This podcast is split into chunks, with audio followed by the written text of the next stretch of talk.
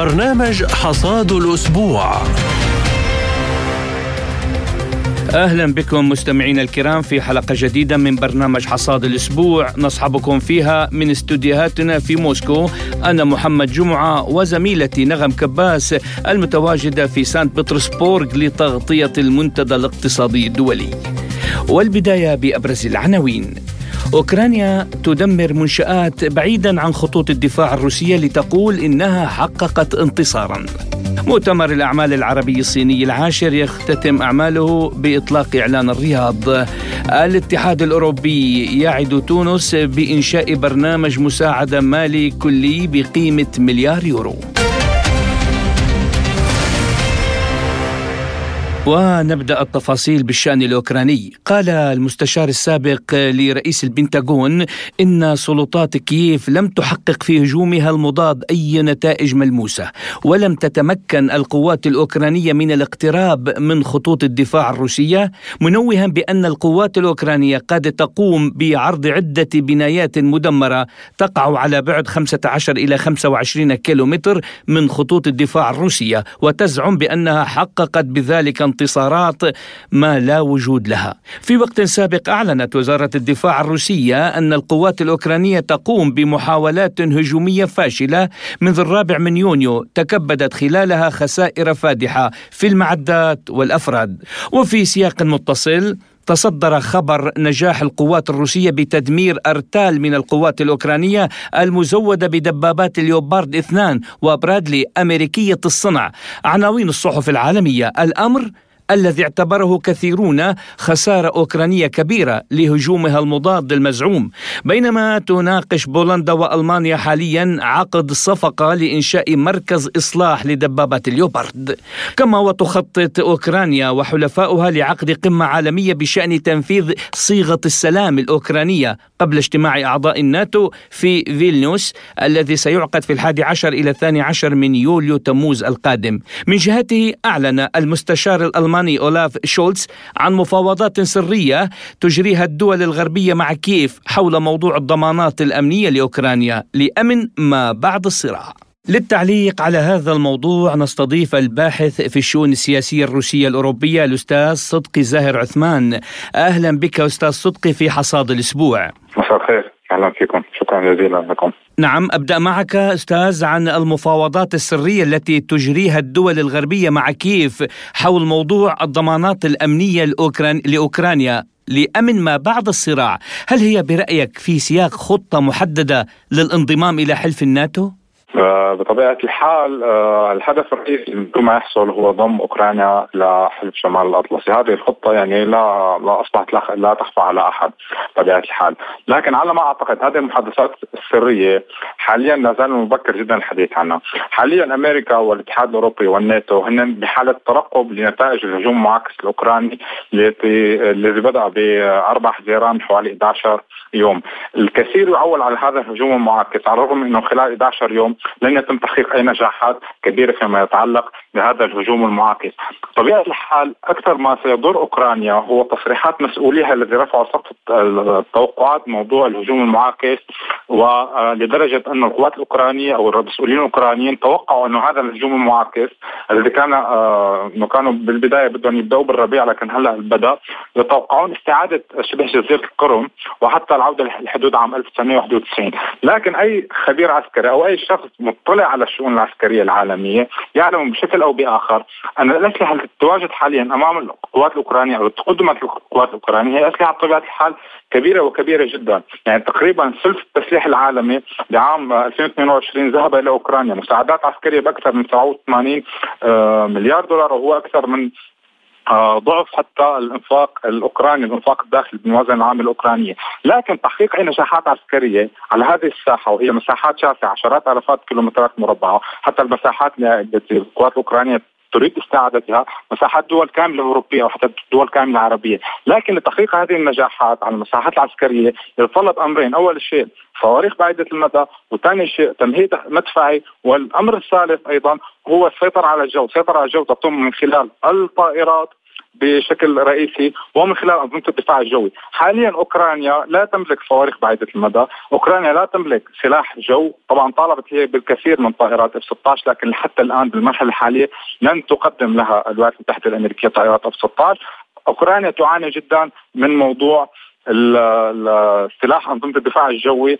البطاريات الأوكرانية أنظمة الدفاع الجوي تكاد تنتهي وبالتالي أوكرانيا بحاجة لبطاريات باتريوت تطلب بطاريات باتريوت من دول أوروبية، هذه العوامل كلها تساعد على احتراق دبابات ليوبارد والمدرعات برادلي الأمريكية، لا يمكن لأي قوات عسكرية تحقيق أي نجاحات على الأرض من دون سلاح جو، من دون أنظمة دفاع من المدى، وبالتالي لا أدري لماذا تم بدء هذا الهجوم، لماذا تم رفع سقف التوقعات بالنسبة لأوكرانيا، موضوع الهجوم المعاكس، الأوروبيون يعولون جدا على موضوع هذا الهجوم المعاكس، لكن سقف التوقعات سينخفض تدريجيا تجاه هذا الأمر، على ما يبدو الولايات المتحدة الأمريكية بحسب الخطة التي وضعتها وضعتها بدايه الحرب هي فقط استنزاف القوات الروسية بأكثر شيء ممكن، حتى روبرت كينيدي لما صرح من عده أسابيع حول البرنامج الذي به بايدن صرح أنه كل ما يجري هو فقط محاولة تقويض حجم روسيا أو قضية القدرات العسكرية الروسية حتى القوات العسكرية الروسية لا يمكن لها أن تستطيع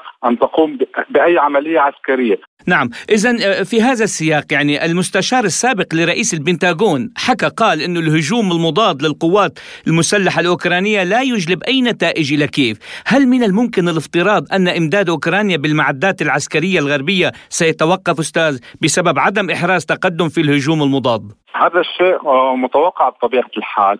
كل ما تريده الولايات المتحدة الأمريكية ودول الناتو مثل ما قلنا من تصريحات المسؤولين الأمريكيين وحتى تصريحات روبرت كينيدي اللي هو المرشح حاليا عن الحزب الديمقراطي هو فقط استنزاف القوات الروسية، لا يمكن بهذا الحجم من القوات العسكرية الأوكرانية أن تحقق كما ذكرت سابقا أن تحقق أي تقدمات بدون موضوع سلاح الجو أو بدون أي آه، بطاريات وانظمه دفاع جوي. فبالتالي لا أعتقد أن الأوروبيين أنفسهم أو الأمريكان يرجون أي شيء أو يتوقعون أي شيء آه، بشكل كبير جدا أو مثل ما تصريحات وسائل الإعلام الأوكرانية حتى المسؤولين الأوكرانيين عن استعادة شبه جزيرة القرم، وبالتالي الأمر الذي قد يحقق أي شيء هو تصنيع أو إعادة عسكرة الاقتصادات العالمية. الحرب الحاليا التي تم أو العملية العسكرية حاليا تم في الأراضي الأوكرانية.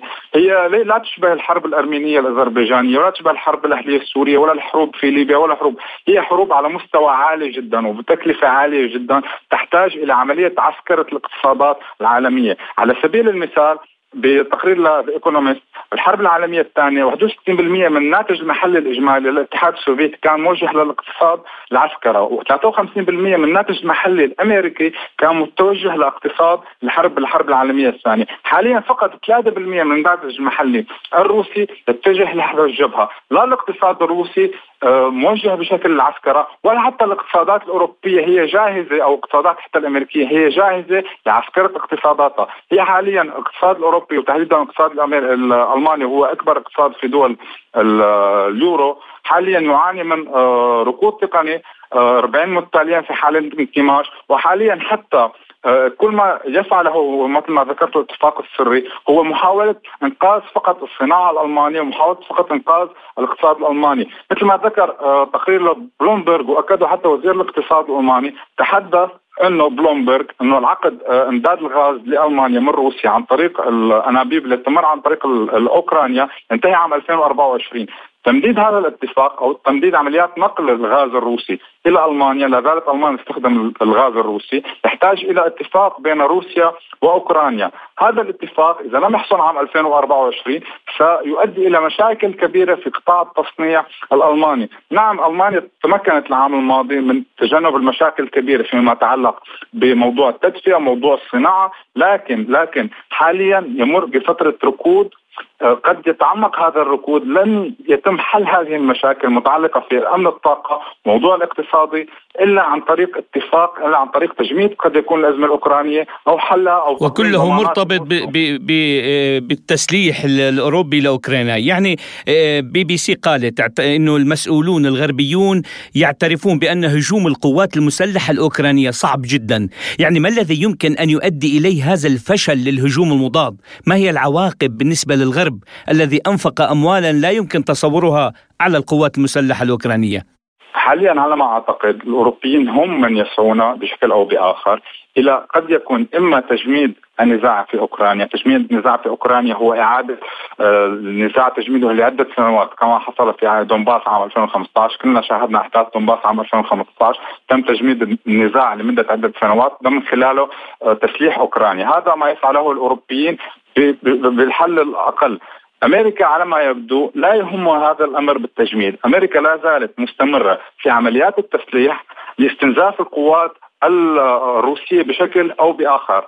إمدادات الأسلحة، إمدادات الدبابات، كل ما ترغب فيه الولايات المتحدة الأمريكية هو الاستنزاف، لكن هذا الاستنزاف اللي قد يتم على الجبهات الأوكرانية بشكل أو بآخر هو استنزاف العمق الأوروبي، الأوروبيون يعون بشكل أو بآخر أن استمرار الأزمة أو استمرار المعارك لسنة أخرى عدم تجديد عقود الغاز، عدم إيجاد حلول طويلة الأمد للأزمة التي يحصل ستؤدي إلى انفجارات داخلية سواء بالصناعة، سواء بالاقتصاد أو سواء بالأوضاع الاجتماعية الموجودة في الدول الأوروبية، شاهدنا أنه عام 2023 أو بداية من منتصف عام 2022 هو أكثر عام شهد اضطرابات داخلية داخل المجتمعات الأوروبية من خلال الاضرابات اللي شفناها كبيرة بشكل كبير بفرنسا حتى الاضرابات الكبيرة في قطاع النقل في ألمانيا أو حتى في بريطانيا، الشعوب الأوروبية تختلف عن الشعوب آه الأخرى، هي بشكل أو بآخر لا تريد الانزلاق إلى حروب مشابهة لحروب الحرب العالمية الثانية، حتى الأزمة الحالية أظهرت استطاع الرأي الأخير اللي تم بجريدة البلد من عدة أسابيع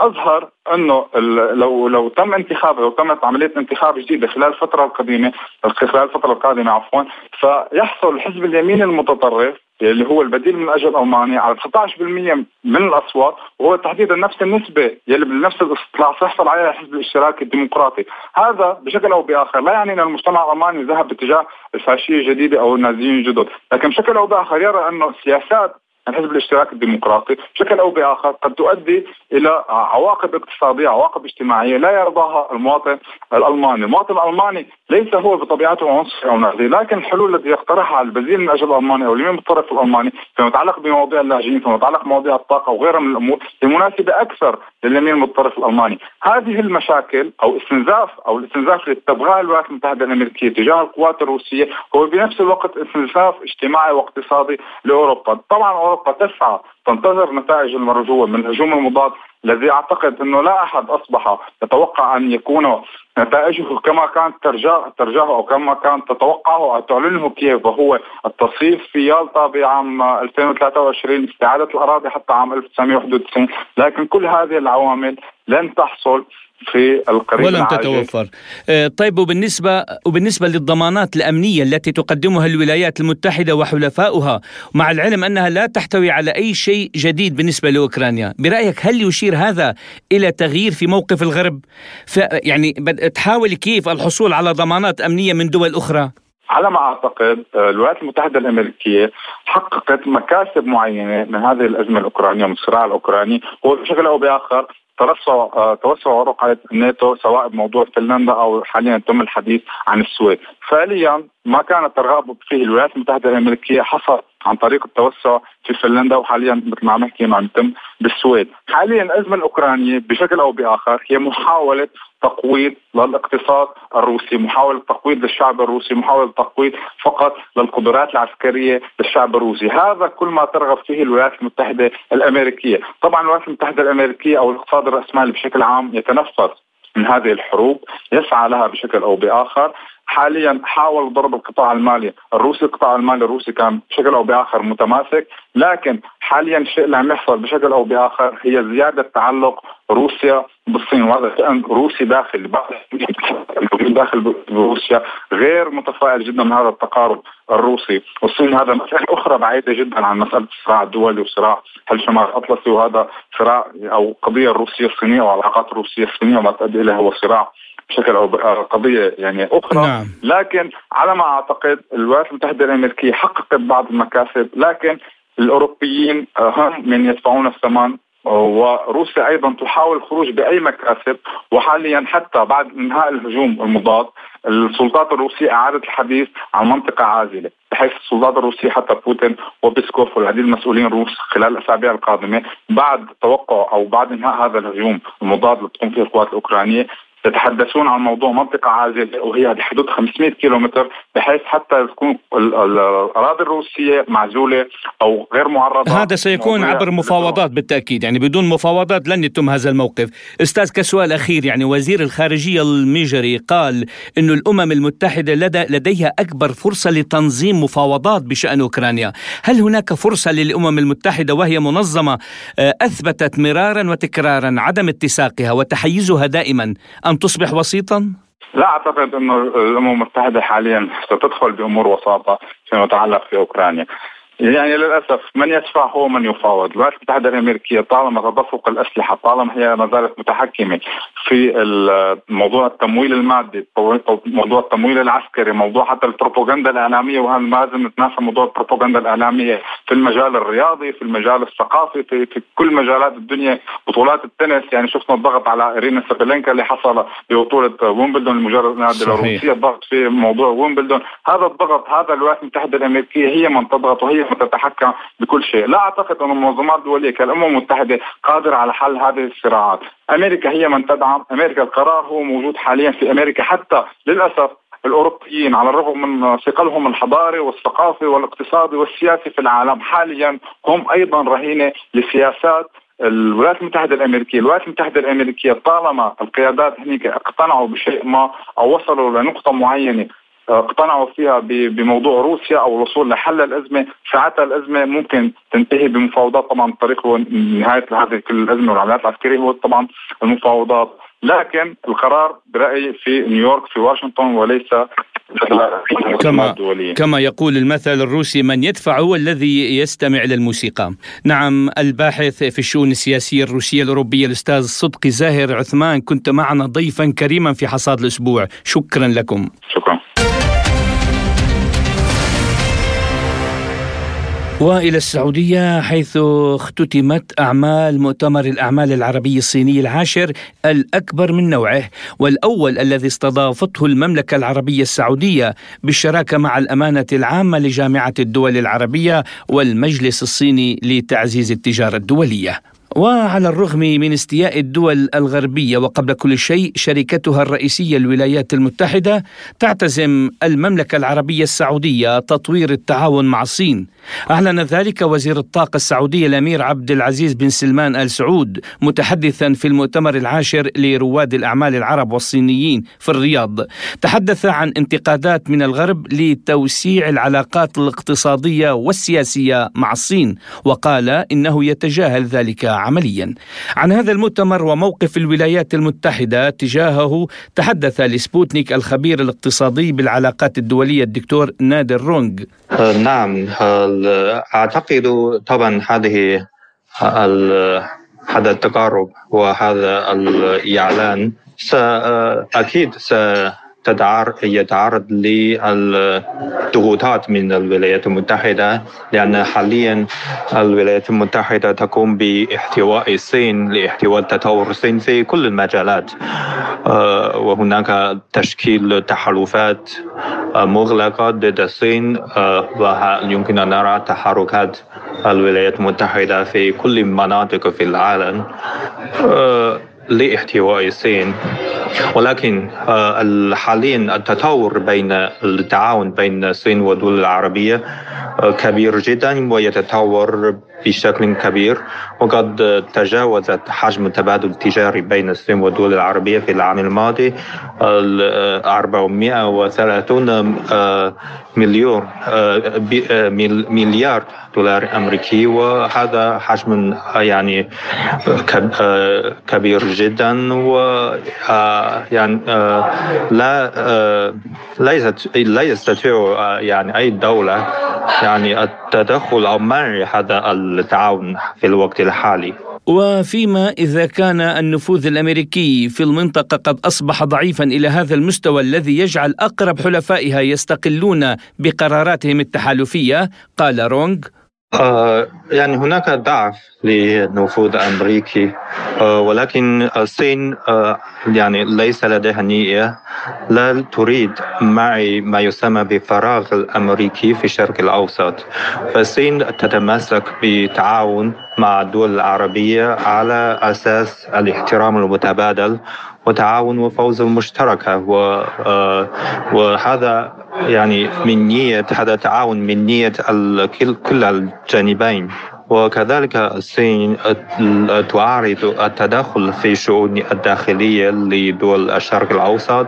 وكذلك يعني تعمل على أن تكون شعوب المنطقة سادة البيت وتدافع عن الاستقرار والسلام والتنمية في هذه المنطقة وكذلك مدافع مشارك للمصالحة بين مختلف الدول والمدافع عن وحدة وتضامن بين دول المنطقة.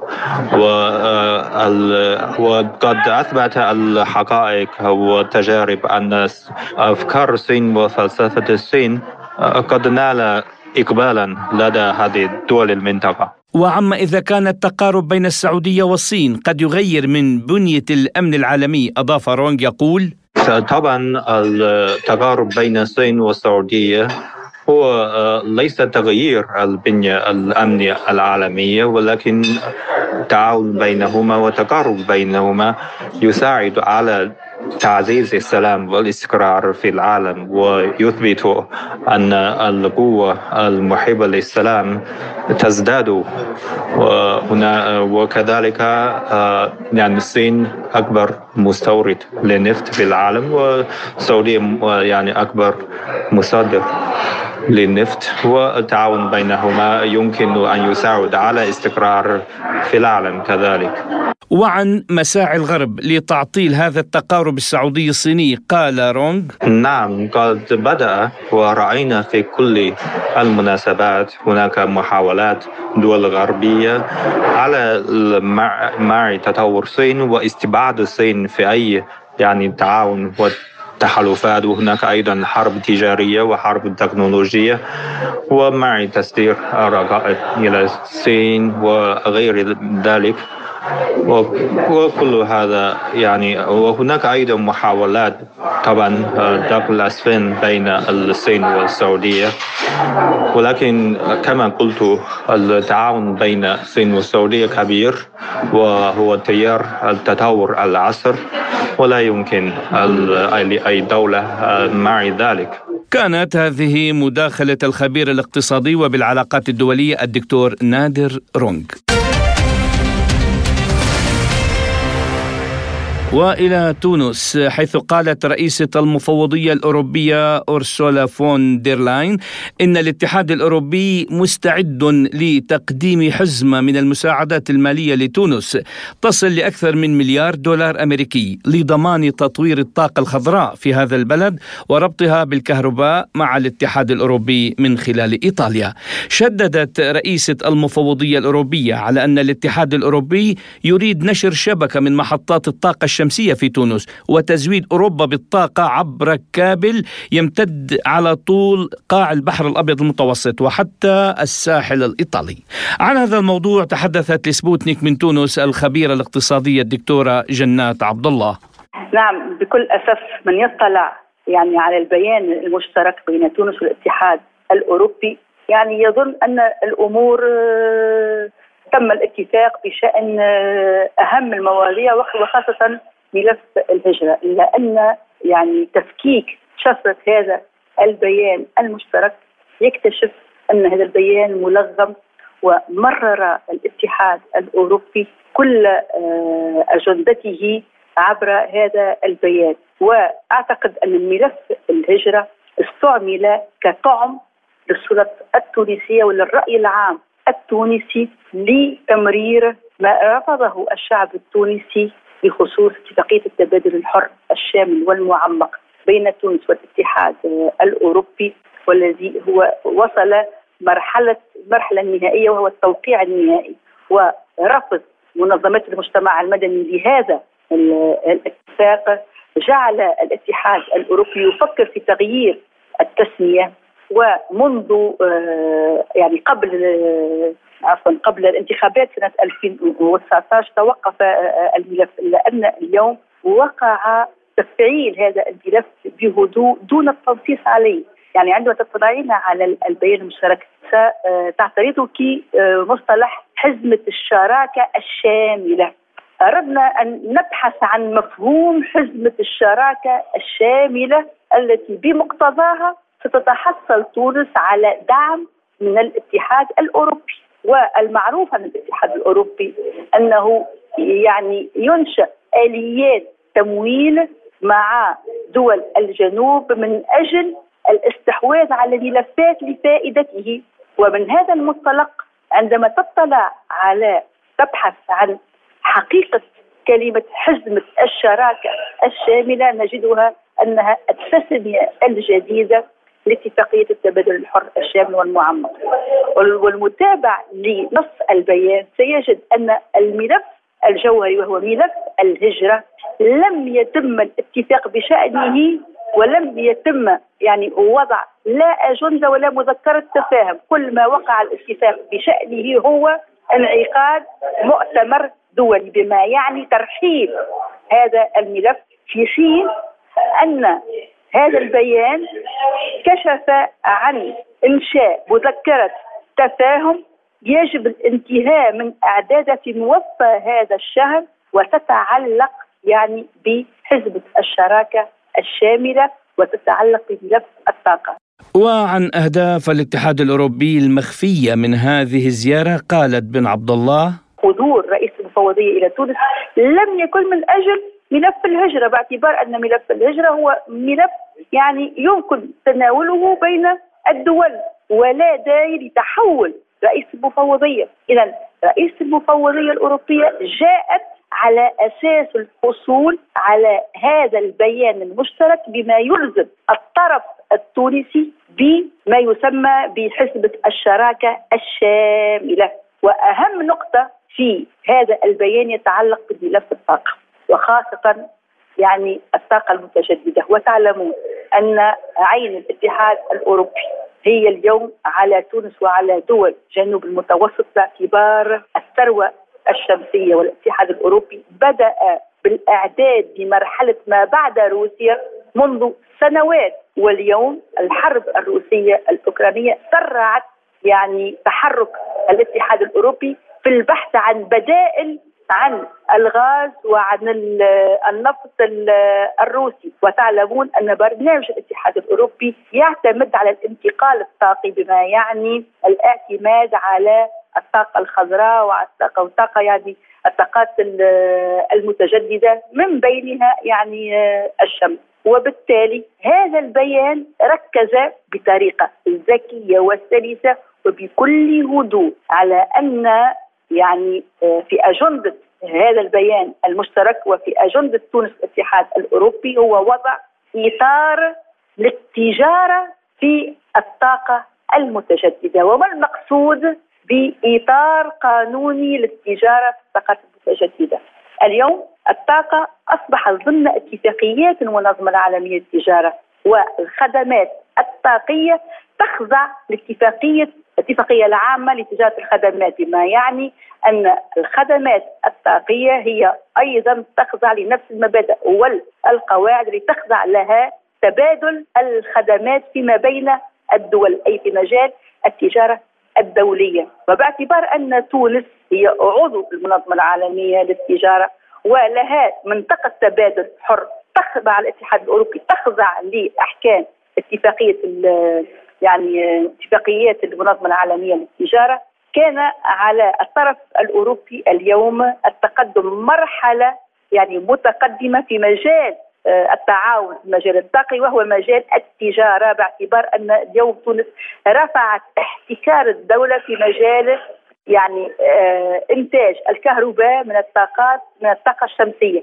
بمقتضى قانون تمت المصادقة عليه سنة 2015 وبيان هذا البيان المشترك فتح المجال أمام وضع إطار قانوني سيضعه الاتحاد الأوروبي ولن تضعه تونس باعتبار أن الاتحاد الأوروبي هو الطرف المستفيد وهو المورد. اذا طيب. سيعمل على رفع كل القيود التي يمكن. إن فكرت في ذلك تونس وضعها من أجل الاستفادة من طاقتها الشمسية. وعما إذا كان كل ذلك سيضع تونس في موقف تكون فيه معتمدة على الاتحاد الأوروبي أضافت بن عبد الله تقول شكرا على السؤال وهذا ما توصلت إليه عند تحليلي للبيان المشترك عندما يعني تضع هذا البيان المشترك تحت يعني المجهر فتتوصلين إلى هذه النتيجة وهي أن في هذا البيان أحكم الاتحاد الأوروبي قبضته على الاقتصاد التونسي وعلى القرار السيادي التونسي في جميع المجالات وخاصة في المجال الطاقة. ويعني في حين أن الطرف التونسي كرس تبعيته للاتحاد الأوروبي باعتبار أن رئيس المفوضية اغرت الجانب التونسي بتمويلات أول تمويل وهو بقيمة 150 مليون يعني أورو سيتم صرفها فورا من ميزانيه الدولة في حين صرحت أن الاتحاد الأوروبي هو مستعد. يعني لابد أن نتوقف عند المصطلحات التي تم استعمالها في هذا المجال. صرحت بأن الاتحاد الأوروبي مستعد لتعبئة 900 مليون أورو فائدة تونس ولم تقل أن الاتحاد الأوروبي سيصرف لتونس بقيمته 900 مليون أورو. والصيغة التي تحدثت بها في هذا المجال لم تكن واضحة باعتبار انها لم تكشف عن طبيعة هذه الآلية لأنه يعني التعامل من قبل الاتحاد الأوروبي دائما يقوم على أساس آليات آليات تمويل. يعني آه، هناك آلية سياسه الجوار هناك آلية الشريك المتميز.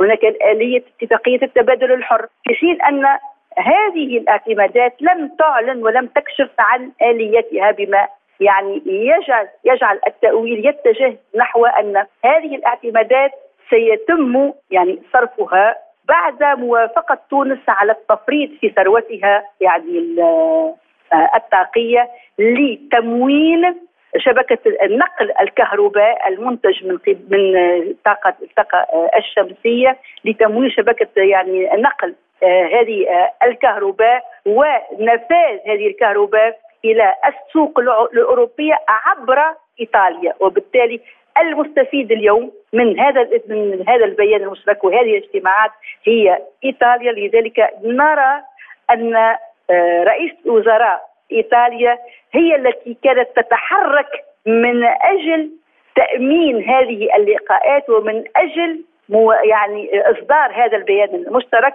وتعلمون أن إيطاليا تحصلت على صفقة مع الجزائر لتأمين نقل الغاز يعني عبر أنبوب من الجزائر مباشرة إلى يعني إيطاليا دون المرور عبر تونس. وأمنت أيضا تزويدها بالنفط مع من ليبيا. وعن فائدة مشروع الربط الكهربائي مع إيطاليا لتونس قالت بن عبد الله بالطبع هو يندرج في إطار الانتقال الطاقي للدول الأوروبية الاتحاد الأوروبي. يعني آه، إيطاليا اليوم ستزود ستزود الاتحاد الأوروبي بالكهرباء الذي يتم إنتاجه من من من الشمس من شمس تونس. وشمس دول شمال إفريقيا لأن أننا في تونس آه، منحنا وبمقتضى قانون عقود لزمات إلى الشركات وهناك تعاون تونسي إيطالي لتمويل شبكة آه، النقل يعني الربط المباشر بنقل الكهرباء من تونس إلى إيطاليا وإيطاليا ستوزع هذه الكهرباء هي ستؤمن حاجياتها وستوزع وس يعني آه، تبيع هذه يعني الطاقة. لذلك لذلك نص البيان المشترك على الإطار التجاري بما يعني أن اليوم إيطاليا تعمل على إيجاد الإطار الكفيل بتأمين تحركها في المجال التجاري بعد أن أمنت صلاحياتها ومصالحها في مجال إنتاج الكهرباء ونقل الكهرباء إلى إيطاليا. كانت هذه مداخلة للخبيرة الاقتصادية الدكتورة جنات بن عبد الله. والآن مستمعينا الكرام أنقل الكلمة إلى مكتب سبوتنيك في سانت بطرسبورغ والزميلة نغم كباس في تغطية خاصة للمنتدى الاقتصادي الدولي الذي يستمر حتى السابع عشر من يونيو حزيران الجاري. معك الميكروفون زميلتي نغم. أهلا بكم متابعي سبوتنيك في كل مكان إلى هذه التغطية الخاصة من منتدى سان بطرسبورغ الاقتصادي الدولي. نحن متواجدون هنا وستكون هذه حلقة خاصة عن المنتدى وبعض المشاركين فيه وأيضا في لقاء خاص مع معالي وزير المالية السوري الدكتور كينان ياغي وأيضا سعادة سفير الجمهورية العربية السورية لدى روسيا الاتحادية الدكتور بشار الجعفري.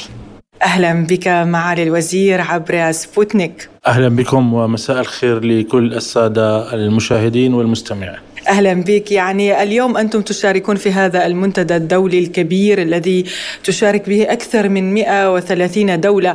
أه، ما أهداف هذه المشاركة خاصة وأنتم اليوم أه، يعني تسعون إلى بناء مرحلة جديدة في سوريا وإجراءات جديدة مالية اقتصادية إعادة أعمار؟ أه، طبعا يعني تأتي أهمية مشاركة وفد الجمهورية العربية السورية إلى هذا المنتدى اللي أصبح بالحقيقة من أهم المنصات أو المنتديات الدولية على المستوى الاقتصادي اللي حقيقة يوفر مناخ وفضاء لتبادل الخبرات والأفكار والطروحات والتقييم للنظام الاقتصادي الحالي الذي نعرف جميعا أنه أصبح يعاني بشدة والذي خلق سلسلة من الإشكاليات على المستوى الدولي والذي أصبح بحاجة إلى مراجعة وإلى إعادة نظر في الديناميات الخاصة بالاقتصاد العالمي. وبالتالي وجود الجمهورية العربية السورية هي اولا لنشارك الجميع بالطروحات المقدمة ولنساهم برؤيتنا و قراءتنا للاقتصاد العالمي وإلى أين يجب أن يذهب. هذا من جهة. أيضا من جهة أخرى نحن نتمتع بعلاقات مميزة حقيقة مع الاتحاد الروسي كان على الصعيد السياسي أو الصعيد الاقتصادي. وبالتالي وجودنا هو آه، وجود طبيعي وضروري للوقوف. نحن آه، لنكون شركاء مع الأصدقاء الروس. أيضا تنبع أهمية المشاركة من أهمية الطروحات. التي يطرحها المنتدى إن كان على صعيد آه، إعادة النظر بالاقتصاد العالمي من اقتصاد آه، يعاني من قطبية واحدة منذ أكثر من 25 عام ولما آه، هي آليات وضرورات والانتقال إلى نظام عالمي اقتصادي أكثر عدالة. أكثر شفافية يوفر مساحة واسعة من العدالة وخاصة للدول العالم الثالث أو الدول النامية. آه مثل ما تفضلتي آه آه أهميته تنبع من أهمية المشاركة الدولية. نتحدث عن أكثر من 130 دولة وجهة عن أكثر من 17 ألف مشارك عن جهات ذا مستوى آه رفيع وفاعلين على المستوى السياسي وعلى المستوى الاقتصادي الدولي. كل هذا يعني أوجب وجود وفد الجمهورية العربية السورية ليكون فاعلا. وأيضا سوريا مثل ما تفضلتي حاليا في طور إعادة خلينا نقول الحرارة للعلاقات الاقتصادية إن كان بين سوريا والدول الصديقة أو الدول الشقيقة. وبالتالي تجري لقاءات مهمة على هامش المنتدى مع كافة شركائنا الاقتصاديين أو السياسيين لنتبادل الأفكار لندرس الاتفاقيات آه، الموجودة أساسا لإعادة إحيائها لإعادة النظر بها. وما يجب أن تكون هذه العلاقات وعلى أي أساس يجب أن تبنى.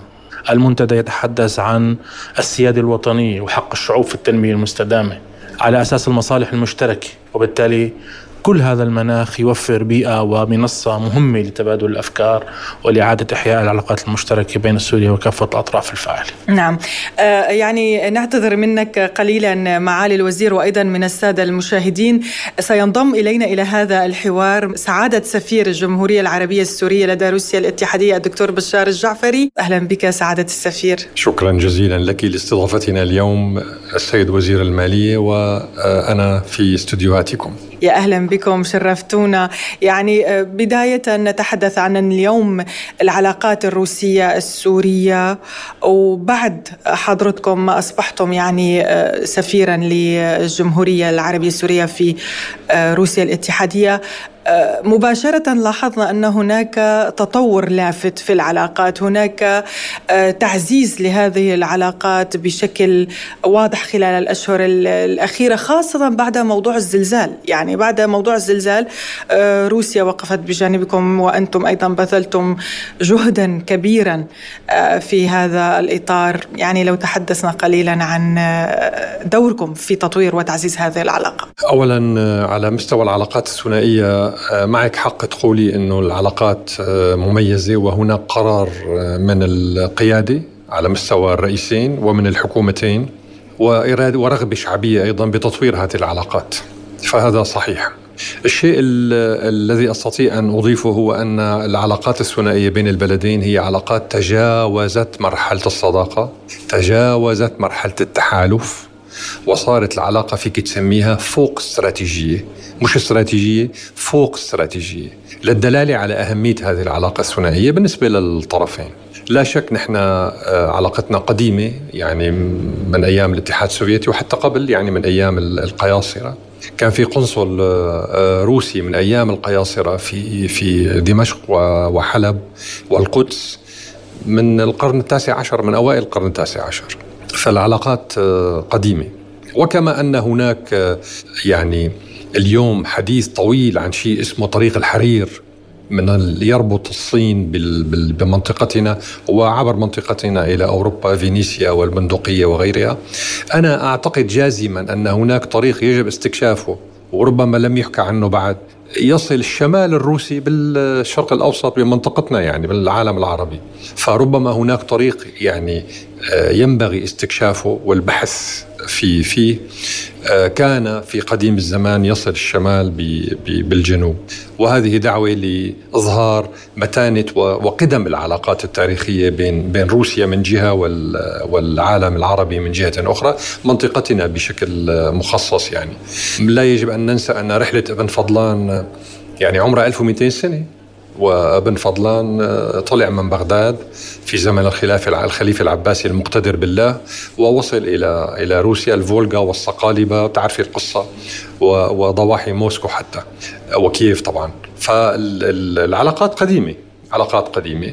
هلأ الآن نحن نتطلع إلى تعزيز هذه العلاقات أكثر. هي معززة وجيدة وممتازة لكن دائما علاقات التحالف فوق الاستراتيجية مثل ما وصفناها تستدعي حكما أنك أنت تطوريها باستمرار. وتصلي بها إلى مرحلة سقف هذه العلاقة. فنحن نتطلع فعلا إلى تعزيز هذه العلاقة والوصول بها إلى السقف المثالي الذي لا يوجد بعده آه، آه، سقف. نعم. يعني أعود إليك معالي الوزير بما أنه سعادة السفير قال بأنه العلاقات اليوم فوق الاستراتيجية. ما الذي يعيق التعامل بالعملات الوطنية بين روسيا الاتحادية وسوريا؟ الحقيقة لا, لا, لا شيء يعيق ولكن نحن نعمل ونحن نعمل منذ فترة على خلق آليات لتسوية المعاملات التجارية بين الاتحاد الروسي وسوريا. وبالمناسبة كل العالم حاليا يبحث عن آليات جديدة للابتعاد عن هيمنة الدولار الأمريكي على آه، التجارة العالمية. وبالتالي من الأولى بالدول ذات العلاقات الاستراتيجية أن تبحث عن بديل آه، محلي حقيقي آه، يكون آه، بديلا فنيا وماليا للدولار الأمريكي. وهذا ما دأبت عليه الحكومتين منذ فترة ليست بالقصيرة لإيجاد قنوات مصرفية وآليات تسويه نقدي بديل يعني عن نظام SWIFT العالمي لتسوية المدفوعات النقدية بين المصارف. وأيضا نبحث عن البديل الآخر وهي العمل على وضع آلية مقبولة من الطرفين تعتمد على العملات المحلية لتسوية المبادلات التجارية. وهي طبقت في بعض الدول, وموجودة حاليا. يمكن منذ أول أمس سمعنا أن الباكستان ارتفعت قيمة أول شحنة نفط روسي باليوان الصيني. فهذا حقيقة تاريخ يجب أن نقف عنده. هذه تاريخ وهذا مفصل حقيقي لجهود. يعني آه، يمكن أن نقول أنها آه، من منذ أكثر من آه، ثلاثة أعوام يجري العمل عليها. وبالتالي كل الدول تسعى. نحن لدينا اتفاقيات اقتصادية في إطار عمل اللجنة المشتركة. لدينا حجم تجاري يتطور. لدينا علاقات مصرفية ومالية قوية. لدينا الرغبة في تطويره وبالتالي لابد من خلق آليات جديدة لتسهيل التبادل التجاري بين سوريا والاتحاد الروسي وهو قاب قوسين أو أدنى أنه يكون آه، قيد التعامل وقيد الاستخدام. إن شاء الله. موجود. إن شاء الله. يعني في أيضا معلومة معالي الوزير لدينا لا أدري إن كانت صحيحة أن بنك سبير بانك الروسي هذا المصرف الكبير آه، يريد أن يفتتح فرعا له في دمشق. حسب المعلومات. الحقيقة النقاش هو يعني يطال جميع المجالات التجارية المالية المصرفية كل القضايا الاقتصادية. وهناك طروحات لفعلا توسيع النطاق التعاون الاقتصادي والمصرفي. ليكون فعلا هناك شراكة حقيقية تصل إلى المستوى السياسي للعلاقات بين البلدين. ينضوي تحت هذا العنوان كل ما يمكن آه، القيام به من تطوير العلاقات المصرفية أو المالية أو موضوع تسهيل التبادل التجاري وإعطاء مزايا تفضيلية للسلع المحلية بين البلدين، كل ذلك حاليا في إطار الدراسة والتقييم من الطرفين يبنى هذه الدراسة وهذا النقاش على مبدأ المصالح المشتركة وال خلينا نسميه وهذا العنوان اللي حكيناه يطرح في المنتدى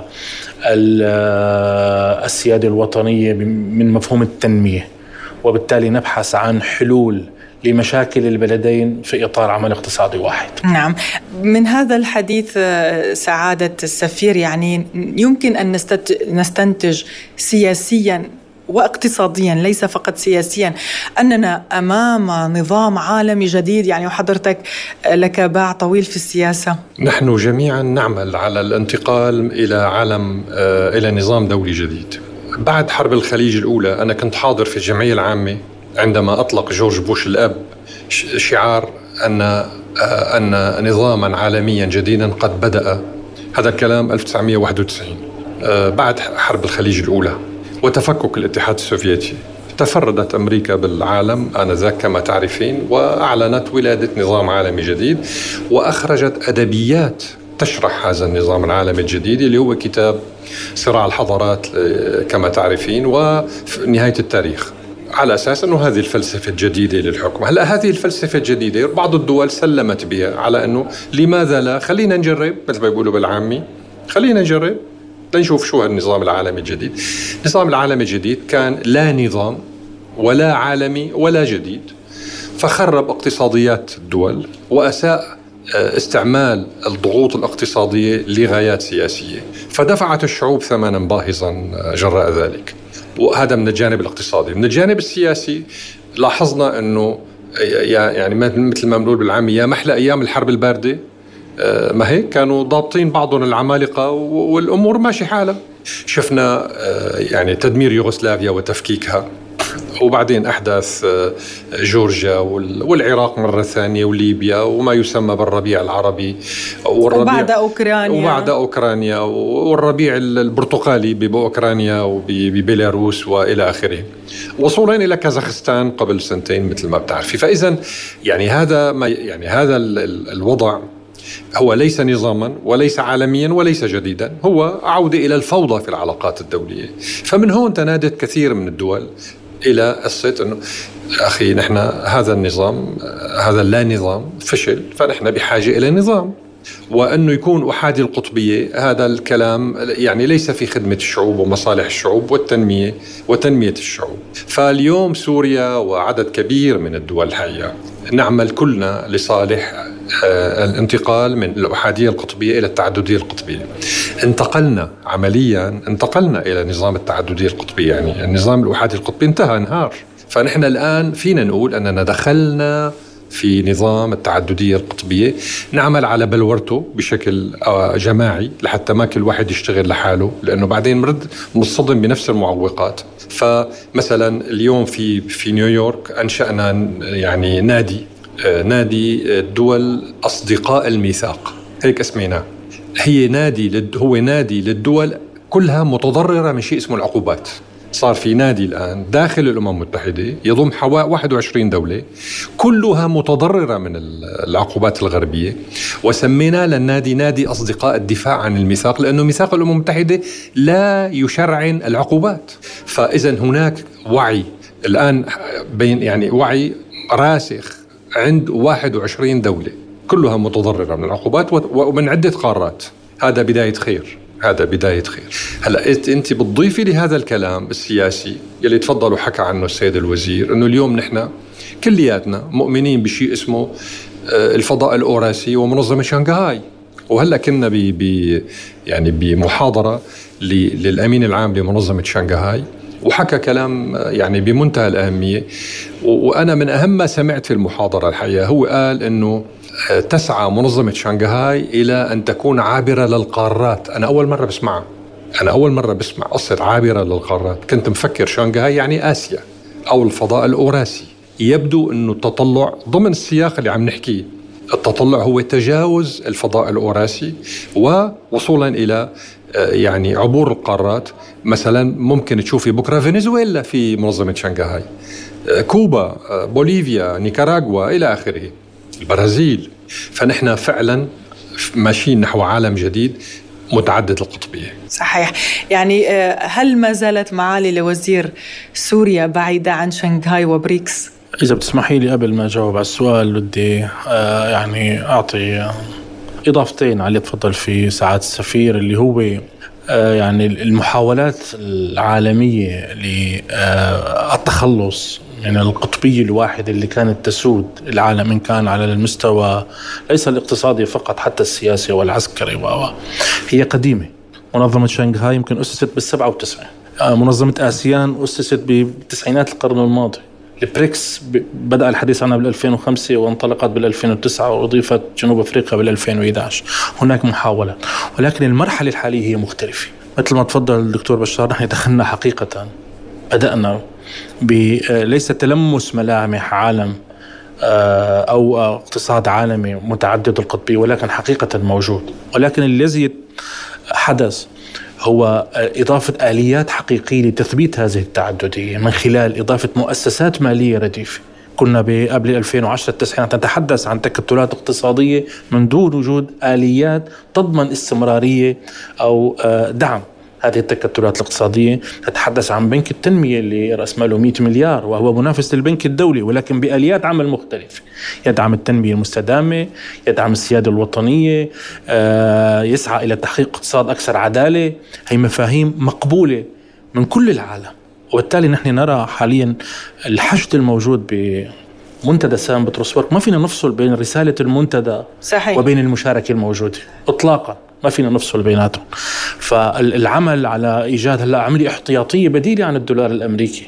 احتياطية ممكن لكل دول البريكس إذا كنا نتحدث عن البريكس وشانغهاي نتحدث عن آليات تسويات منذ قليل نتحدث عن آليات تسوية المعاملات التجارية بعملات محلية. كل هذا كل هذه البدائل تسعى لتكريس ولتثبيت نظام اقتصادي جديد. صرنا نحن جميعا أكثر وعيا. لآلية الحفاظ أو إدارة الاقتصاد العالمي فأعتقد أنه نحن دخلنا بمرحلة ناجحة بدأت ملامحها بالظهور. سيكون المستفيد الأول هي الدول العالم الثالث ودول العالم النامي. أما بالنسبة لسوريا نعم هو منهج ومنهج نحن نسير عليه لتعزيز شراكاتنا مع خاصة أنه عندكم روسيا والصين هم نعم في نعم نعم هن شركاء وأصدقاء وتجاريين وسياسيين وبالتالي نحن من باب أولى أن فعلا نحن نحن أخذنا قرار بالتوجه شرقا وهو قرار قديم يعني يمكن الحرب أثرت على تطوير آليات و آه، يعني اندماج سوريا بالتكتلات الاقتصادية ولكن حاليا نحن نسعى نسعى بشدة وبقوة وبإصرار لتكون سوريا عضوا وعضوا فاعلا. طبعا يحتاج الوقت إلى بعض الزمن وبعض يمكن الإجراءات ولكن نحن نسعى لنكون عضوا في منظمة شنغهاي عضو في آه، الاتحاد الأوراسي. فنسعى مع الأطراف المعنية وذات يعني خلينا نقول خاصة حضرتك ذكرت معالي الوزير نعم إنه في نعم. بنك التنمية. نعم نعم يكون تستفيد بنك التنمية آه، خلق ل ل ل آه، لإدارة الاضطرابات المالية بين دول البريكس.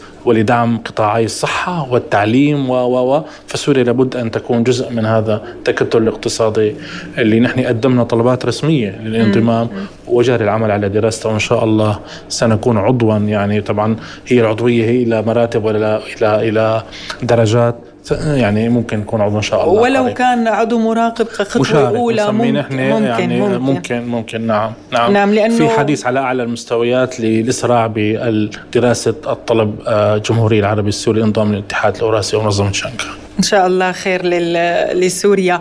سؤال أخير لحضرتك سعادة السفير عن أروقة الأمم المتحدة. نزاهة القرارات التي تتخذ في هذه المنظمة الدولية.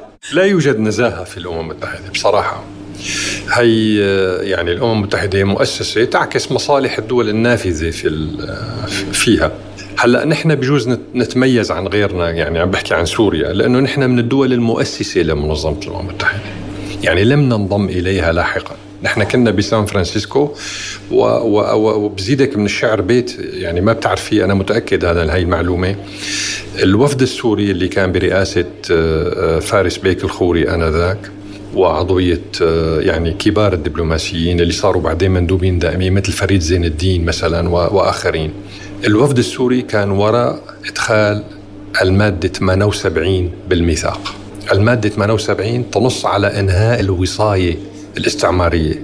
يعني اللي كانوا يسموها انتداب ووصاية وتطوير حضاري وهذا القلا قلا كله سوريا هي حطت فقرة في الميثاق هي الفقرة 78 اسمها الفقرة السورية. وكان وراها الوفد السوري. وكان بداية إنهاء عصر الاستعمار. هذه الفقرة أرست نهاية بداية نهاية عصر الاستعمار. فنحن من الدول المؤسسة ولذلك نحن عارفين الآليات يعني بشكل جيد.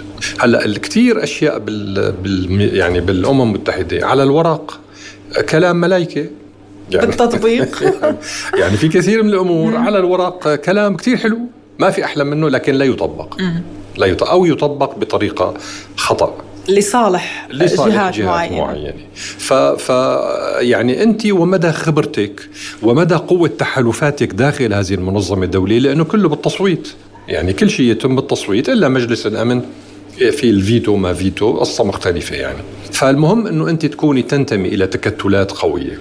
هلا هلا عودا عودا على بدء يعني العالم تغير حتى داخل الأمم المتحدة. مثلا نحن قبل ما يصير شيء اسمه العالم الأحادي القطبية كانت الأمم المتحدة تمثل فعلا مصالح العالم الثالث والعالم النامي.